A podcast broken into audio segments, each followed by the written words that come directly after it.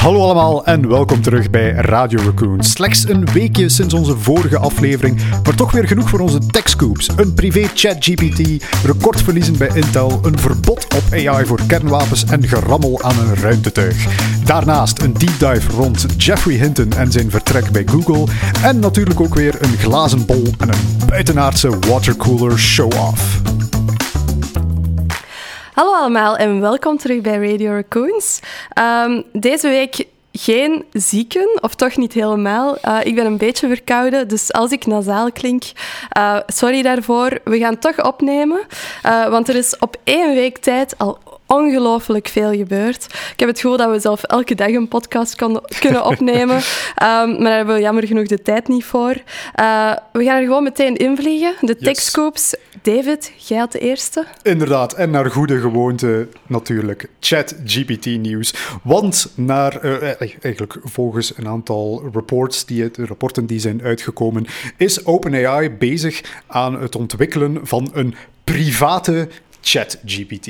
Eigenlijk min of meer, wat hebben zij gedacht? En zij willen bedrijven het mogelijk maken om een, ja, eigenlijk een versie van ChatGPT te kunnen gebruiken voor hun werknemers, zonder dat de data daarvan gebruikt wordt om het algemene model te gaan bijtrainen. Mm -hmm. Oké, okay, dat is wel interessant, want ik hoor wel vaak klanten, um, mensen die zeggen: Ik wil liever toch niet mijn data aan uh, OpenAI geven via ChatGPT. Ik vertrouw het toch niet helemaal. Het is ook niet allemaal even transparant, uh, zal ik maar zeggen, ja. wat ermee gebeurt um, met uw data. Dus uh, ik denk wel dat dat een goede evolutie is.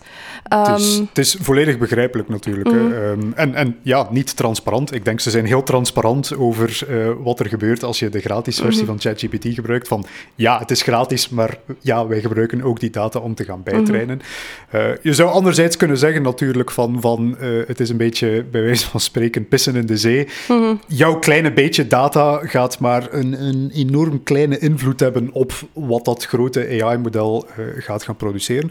Maar anderzijds kun je natuurlijk wel voorstellen, als je in een bepaalde niche actief bent, uh, zeer gespecialiseerde technische domeinen of zo, mm -hmm. en een van jouw werknemers gebruikt dat voor een, een, plan te ontwikkelen om een of ander product te gaan lanceren, mm -hmm. een marketingplan of weet ik veel wat allemaal, en dan vraagt een van de concurrenten van, dat, van jouw bedrijf van, goh, uh, ik ben aan het zoeken naar een nieuw product binnen dit domein, mm -hmm. dan is er eigenlijk misschien wel een kans dat ChatGPT omdat die binnen die bepaalde niche zit, eigenlijk gewoon uw bedrijfsgeheimen gaat delen met uh, andere mensen. Dus ja. het is echt wel een, een, ja, toch wel redelijk realistische vrees. En daar wil OpenAI dus aan tegemoet komen. Ja. Nadeel natuurlijk wel is, hè, ze doen dat ook ja. niet zomaar omdat ze de bedrijven zo graag zien. Uh, er wordt nu al verwacht dat de prijs daarvan wel tot tien keer hoger zou kunnen liggen dan ja. de consumentenprijs die, uh, ja, voor, voor de data die wel mag gebruikt mm. worden om het systeem te gaan bijtrainen. Ja. Dus het is een beetje nemen en geven. Ja, een alternatief zou natuurlijk wel kunnen zijn. Het is misschien niet zo kwalitatief als uh, OpenAI, uh, hun ChatGPT, maar een open source model gebruiken. Hè? Ja. Uh, daarmee kun je eigenlijk op je eigen servers um, ja, het model trainen met uw data en zit dat niet bij OpenAI. Um, en ja, het is misschien niet hetzelfde resultaat dan, maar het is wel allemaal van u. En het is ook gratis. Ja. Um, dus ja, een beetje geven en nemen, denk ik. Hè. Uh, kiezen is verliezen. Um, maar dus het komt er wel aan. Uh, heel interessant. Um, ik heb de tweede tekstkoop. Ja. Um, over Intel, iets minder positief, uh, zou ik zeggen, of toch voor hun. Uh, want ze verliezen 2,8 miljard uh, dollar. wat wil zeggen dat ze 36% in omzet zakken tegenover een jaar geleden. Um, en dat is eigenlijk wel het grootste verlies in de geschiedenis van Intel. Okay. Um, de oorzaak daarvan is, zoals veel dingen, corona. Um, door corona is er dus een grote afname van consumenten die een nieuwe computer willen komen, kopen, omdat ze in die pandemie allemaal een nieuwe hebben gekocht. Computers worden beter, gaan langer mee. En er is nog niet echt nood om een nieuwe te kopen nu. Um, we zien dat heel veel hardwarebedrijven toch wel afzien. Uh, maar softwarebedrijven doen het daarentegen wel best goed. Um, Alphabet, Meta, Microsoft doen het allemaal beter, hebben betere winstmarges, betere, allez, grotere opbrengsten dan wat analisten hadden verwacht. Mm -hmm. Dus er is echt wel ja, een tweestrijd of een tegenstrijd uh, daar waar hardware aan de ene kant uh, staat, niet zo goed doet En software aan de andere kant en het juist wel heel goed doet. Ik ben zelf nog benieuwd. Het is trouwens ook een beetje de periode waarin al die beursgenoteerde bedrijven hun resultaten moeten publiek maken. Dus we zullen daar nog wel meer nieuws van zien passeren. Uh, ik ben zelf heel benieuwd naar de resultaten van Nvidia. Uh, ik, had, ik, had, eigenlijk zelf nog wat aandelen moeten kopen, maar te lui geweest. Uh, ja, Nvidia, de, de, CPU's die lijken een beetje op de retour te zijn, de, de vraag daarnaar. Maar daarentegen, de, de GPU's van Nvidia, die, die staan nu gewoon centraal in heel die AI-hype. Dus ik ben mhm. eigenlijk wel eens heel benieuwd hoeveel winsten zij daaruit hebben kunnen realiseren. Dus dat misschien ergens in een volgende aflevering om ergens op in te gaan. Mhm. Ik heb een derde tekstcoop. Goed nieuws, denk ik. Het is een beetje uh, ambivalent, want, uh, wel ambivalent, het, het klinkt uh, een beetje raar, maar in de VS zijn ze aan het werken aan wetgeving die het moet verbieden om AI-systemen toe te laten om zelfstandig kernwapens te lanceren. Oké, positief denk ik. Klinkt goed, hè? maar anderzijds is het ook van, ah, uh, vreemd dat men uh, hier wetgeving rond moet gaan maken. Uh, dus, Een beetje ja, eng, maar oké. Het is inderdaad met de hele hype van het GPT-verhaal in het achterhoofd dat veel wetgevers nu aan het zoeken zijn naar plaatsen waar zij nog snel een beetje wetgeving kunnen gaan maken om, om zich te kunnen gaan indekken. Ehm, anderzijds is die vrees ook niet volledig ongegrond. Mhm. Mijn favoriet stokpaardje natuurlijk, historische context, Daphne. Rusland en, en, haar voorloper, de Sovjet-Unie, heeft eigenlijk al heel lang zo'n systeem. Eh, ze noemen het zelf het dode hand systeem, de dead hand system. En dat is eigenlijk een reeks van sensoren mhm. die gekoppeld aan een computersysteem over heel Rusland verspreid, die volledig zelfstandig kan bepalen om kernwapens in retaliation heet dat dan in het Engels, eh, een, een, een antwoord, als antwoord op een aanval, ehm, in retaliation de kernwapens kan gaan lanceren. Dus dat systeem is volledig autonoom, werkt met sensoren, die mhm. bijvoorbeeld straling en trillingen in de grond moet gaan detecteren. En als er aan bepaalde condities volstaan is, wel, zonder dat iemand in het Kremlin daar iets op te zeggen heeft, dan gaan de kernwapens aan het vliegen. Grote verschil natuurlijk is dat is een klassiek computersysteem. We kunnen ergens misschien ook zeggen van, uh, we kunnen de regeltjes bekijken en als we zeggen inderdaad van heel Rusland uh, zit vol met straling, dan is er misschien wel iets gebeurd. Mhm. Terwijl dat zo'n modern AI-systeem ja, dan kunnen we veel minder begrijpen hoe dat zoiets gaat redeneren. Het is misschien wel veel slimmer, maar dat kan net zozeer zijn dat het plots beslist van oei, er zijn problemen op de aandelenmarkt. Uh, Er is een kans dat er oorlog aankomt. Weet wat, we gaan gewoon uh, een beetje uh, vlijtig zijn en, en nu al de kernwapens lanceren en dan gaan we zeker gewonnen. Dus dat willen ze in de VS voorkomen. Daarom zijn ze nu aan het werken aan die wetgeving. En laat ons zeggen dat dat waarschijnlijk wel een positieve evolutie ja, is. Ik denk het ook. Um, ik weet niet of dat, um, als er ooit AGI gaat zijn, dat die zich aan de wet gaat houden. Um, als het toch een beetje dramatisch mogen zijn of zo. Uh, maar ja, ik denk, het is sowieso wel goed dat, dat, dat mensen nadenken over hoe gaat AI in de wetgeving passen uh, en dat op verschillende fronten aan het doen is. Hè. Beter te vroeg wetgeving dan te laat, zou ik ja, zelf zeggen. Ja, inderdaad. Zeker als het op kernwapens aankomt. Ja, absoluut. Er kan niet genoeg uh, wetgeving voor zijn, denk ik. Inderdaad. Um, dan uh, een vierde tekstgroep, om um, aan te vullen op een van onze eerste afleveringen, volgens mij. toen hadden we het over MRI's en image uh, construction, of ja, dat we aan een bepaalde um, afbeelding konden denken en dan een AI-model dat op basis van MRI's kon reconstrueren. Nu hebben ze dat ook gedaan voor um, uh, bepaalde, ja, dat je bepaalde zinnen kunt horen en dat AI dat kan aflezen wat die woorden waren door je hersen op MRI-beelden te gaan analyseren. Ehm, het is eigenlijk wel cool, want ook denkbeeldige monologen, als ik nu aan iets denk uh, en het niet uitspreek, dan kan AI dat ook volledig reconstrueren um, wat er in mijn hoofd plaatsvindt als ik onder zo'n MRI-machine ga liggen. Toch, hè? Het is nog niet 100% accuraat, maar het zijn de eerste stappen. En ik vond het wel impressive. Ik uh, zou maar heel goed opletten waaraan dat je zit te denken de volgende keer dat je onder een MRI-scanner ligt. Want uw dokter kan misschien meelezen wat er daar op dat moment uh, aan de hand is. Dus exact, dus goed, om, goed om te weten. Goed om ja. te weten. Laatste tekstcoop uh, vond ik wel een hele leuke. Um, dus Onlangs, we hebben het eigenlijk niet meegenomen in onze techscoops, maar het was wel een techscoop waardig. Onlangs heeft Europa uh, een van de flagship-missies gelanceerd richting de manen van Jupiter. Uh, het heet JUICE, uh, de naam van het ruimtetuig die in die richting gestuurd is. Um, en JUICE moet daar de manen van Jupiter in kaart gaan brengen.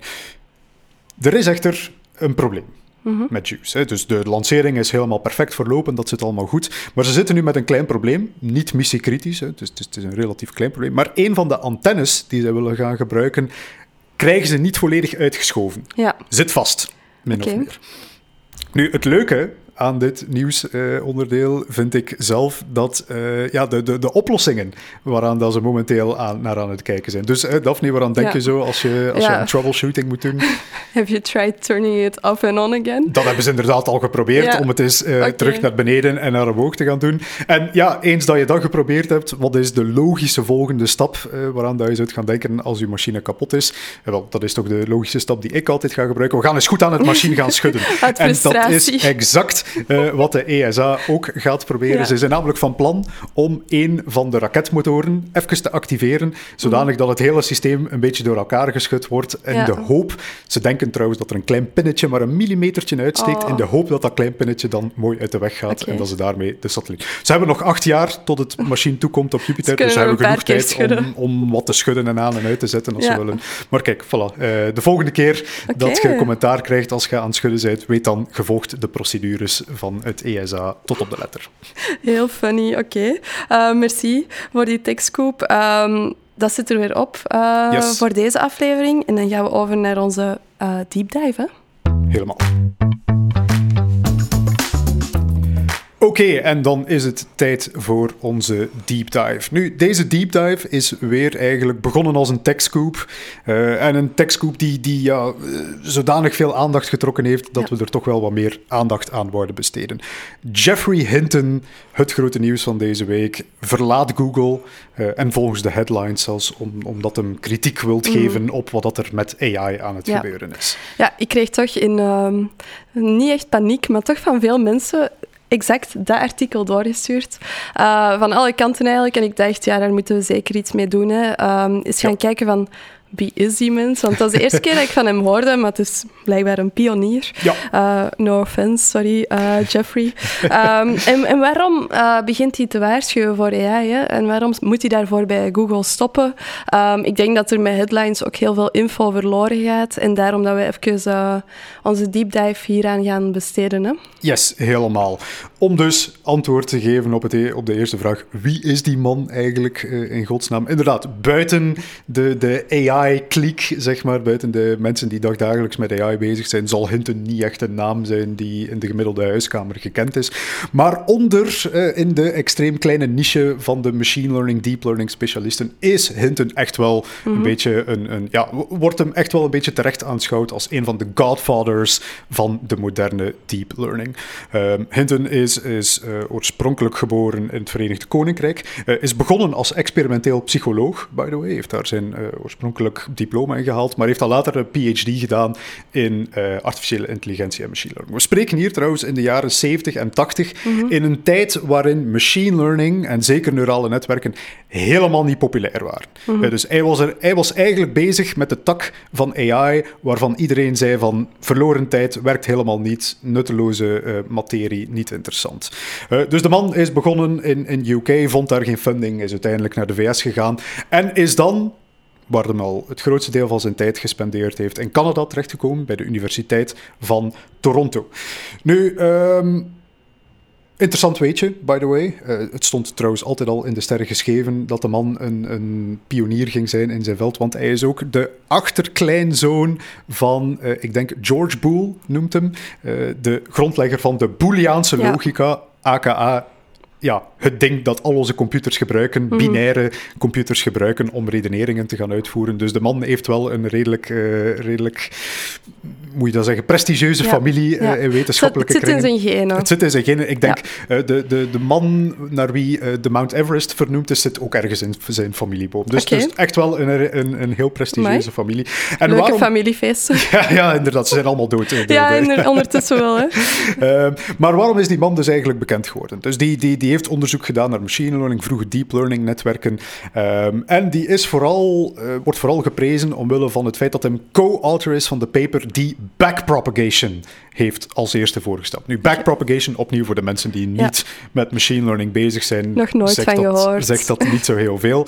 Eh, maar backpropagation is echt wel het het centrale algoritme die heel deze machine learning boom van de afgelopen jaren heeft mogelijk gemaakt. Dus dat is, er valt niet over te discussiëren. Het is het centrale ding uh, die alles heeft mogelijk gemaakt. Mr. Hinton heeft eraan meegewerkt. Dus ja, daarom is hem eigenlijk bijna automatisch een hele grote meneer geworden uh, in die sferen.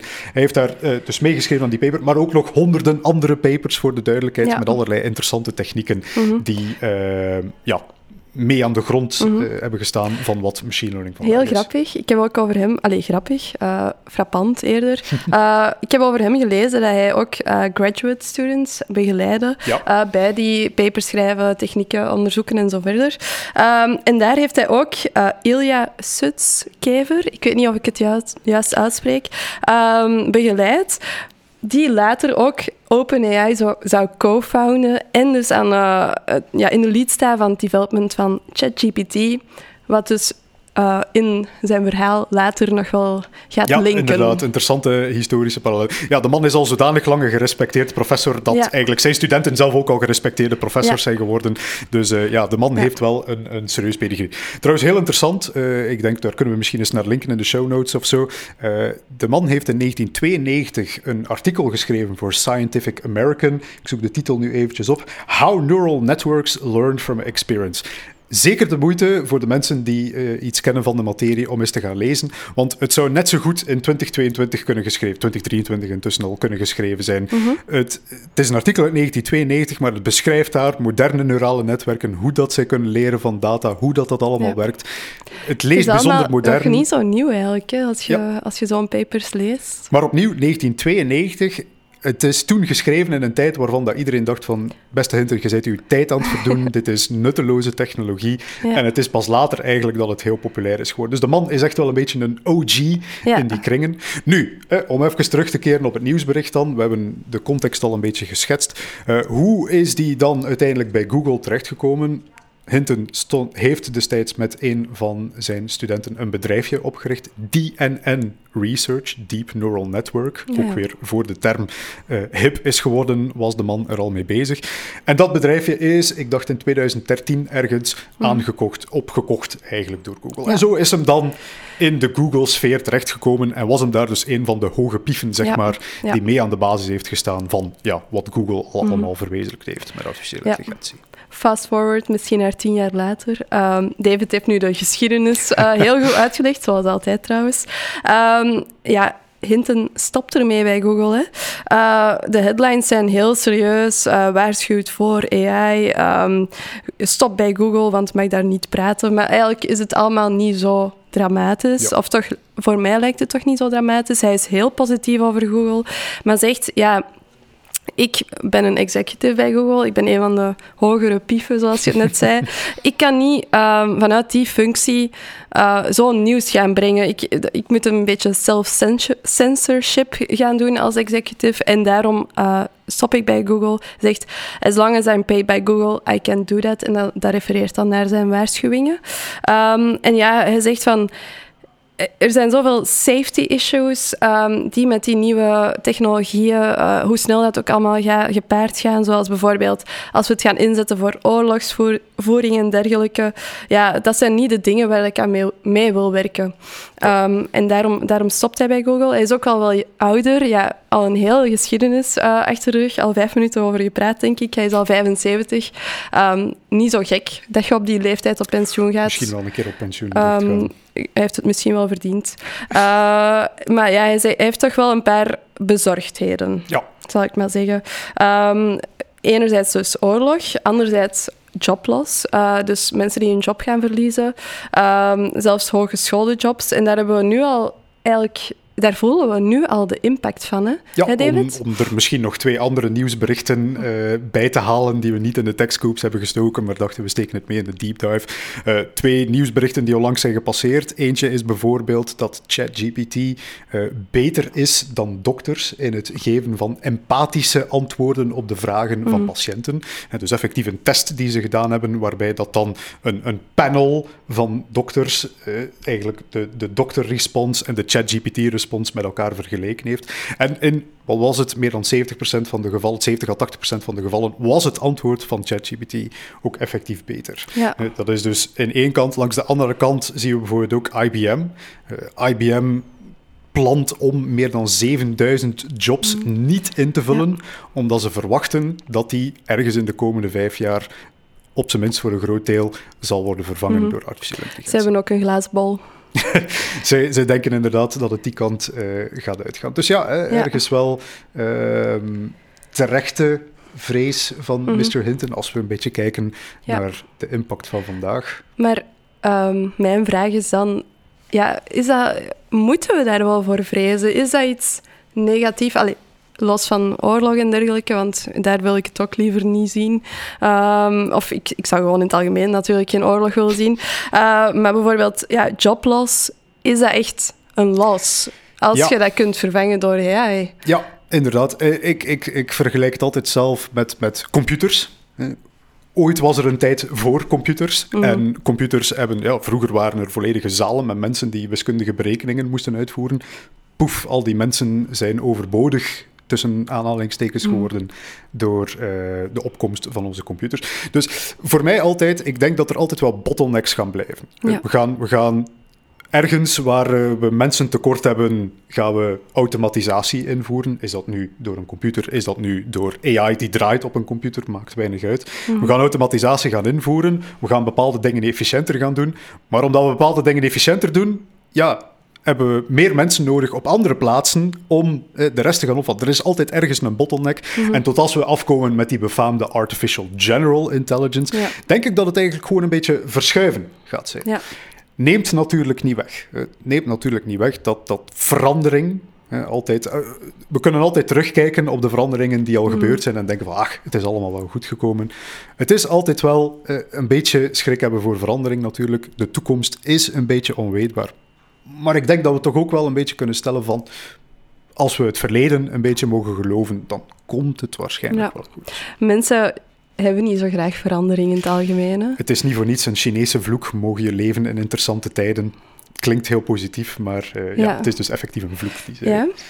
Ik denk, ja, ehm, wat dat je zegt, David, ik denk dat we het gaan, we gaan het moeten ondergaan. Ehm, we kunnen daar inderdaad voor waarschuwen, mensen sensibiliseren, bewust maken van wat er allemaal gebeurt. Maar ik denk dat we ook gewoon het positieve aspect moeten zien en positief moeten blijven. En eh, ja, gewoon ehm, niet enkel spannende headlines moeten lezen, maar ook eens verder nadenken van wat betekent dat nu eigenlijk voor de mensen. Ja, En wat dat jij zegt over ja, 70 jaar geleden bij het ontstaan van computers, zal er misschien ook wel iemand, een pionier zijn die gewaarschuwd heeft. Eh, dat zou ik eens moeten opzoeken.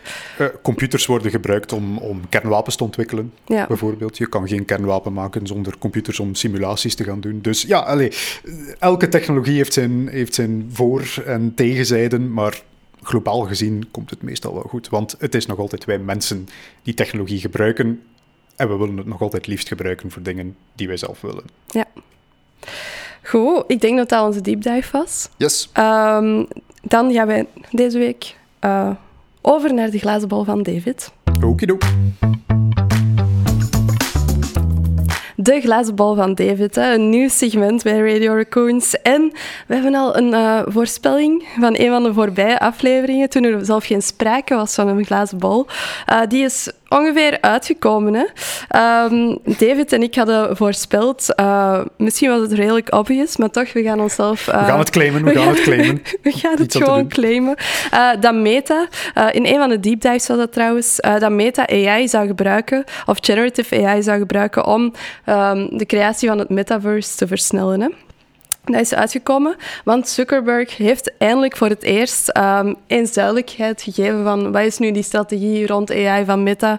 Eh, eerst was het altijd heel vaag, maar nu heeft hij gezegd van ja, we gaan het gebruiken voor chatervaringen in WhatsApp, in Messenger, ook voor Facebook en Instagram, eh, visuele creatietools voor posts, maar ook ze gaan het ge- gebruiken om avatars, objecten, werelden en zelfs code te creëren om eh, de metaverse te ontwikkelen. Dus wat wij hebben gezegd, uitgekomen.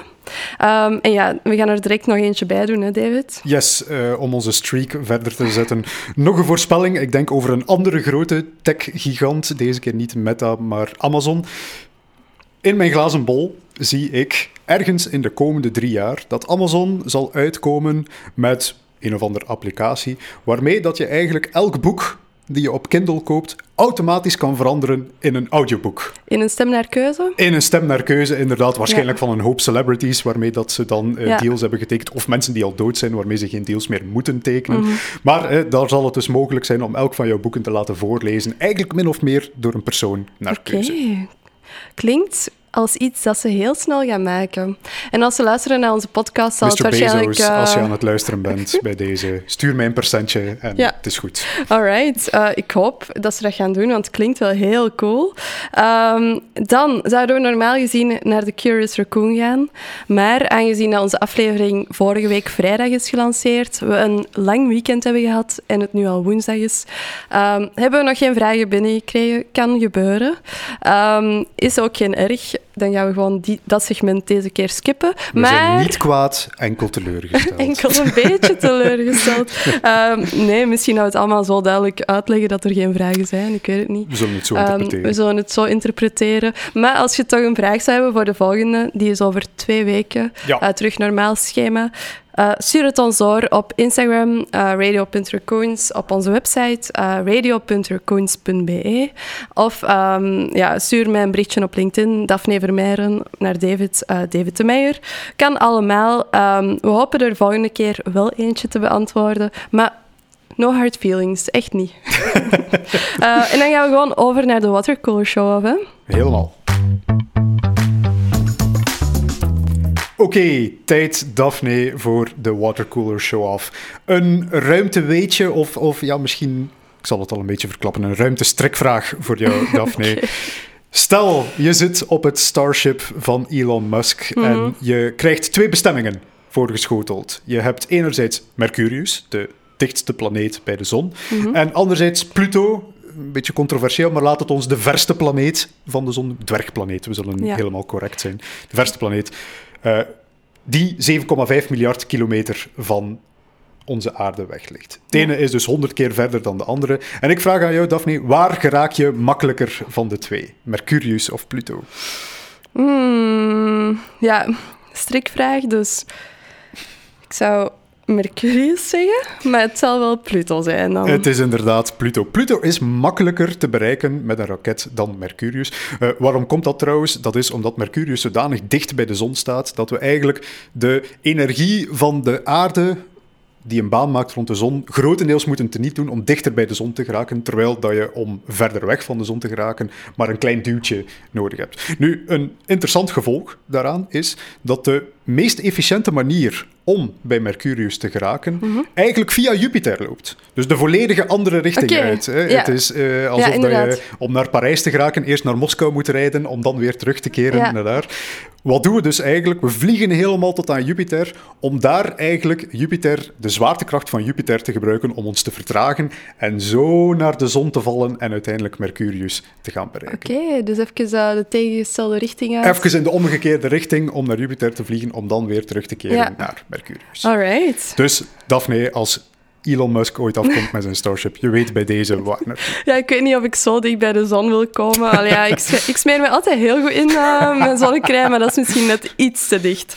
Ehm, nee, merci David voor uh, het weetje. Ik ga weer kunnen stoeven bij mijn collega's aan de watercooler. En dan uh, zit onze aflevering er weer op. Ziezo. Um, terug naar ons normale schema. Over twee weken zijn we er weer. Um, tot dan. Stuur gerust uw vragen uh, door, zodat we terug een Curious Raccoon uh, sectie hebben de volgende keer.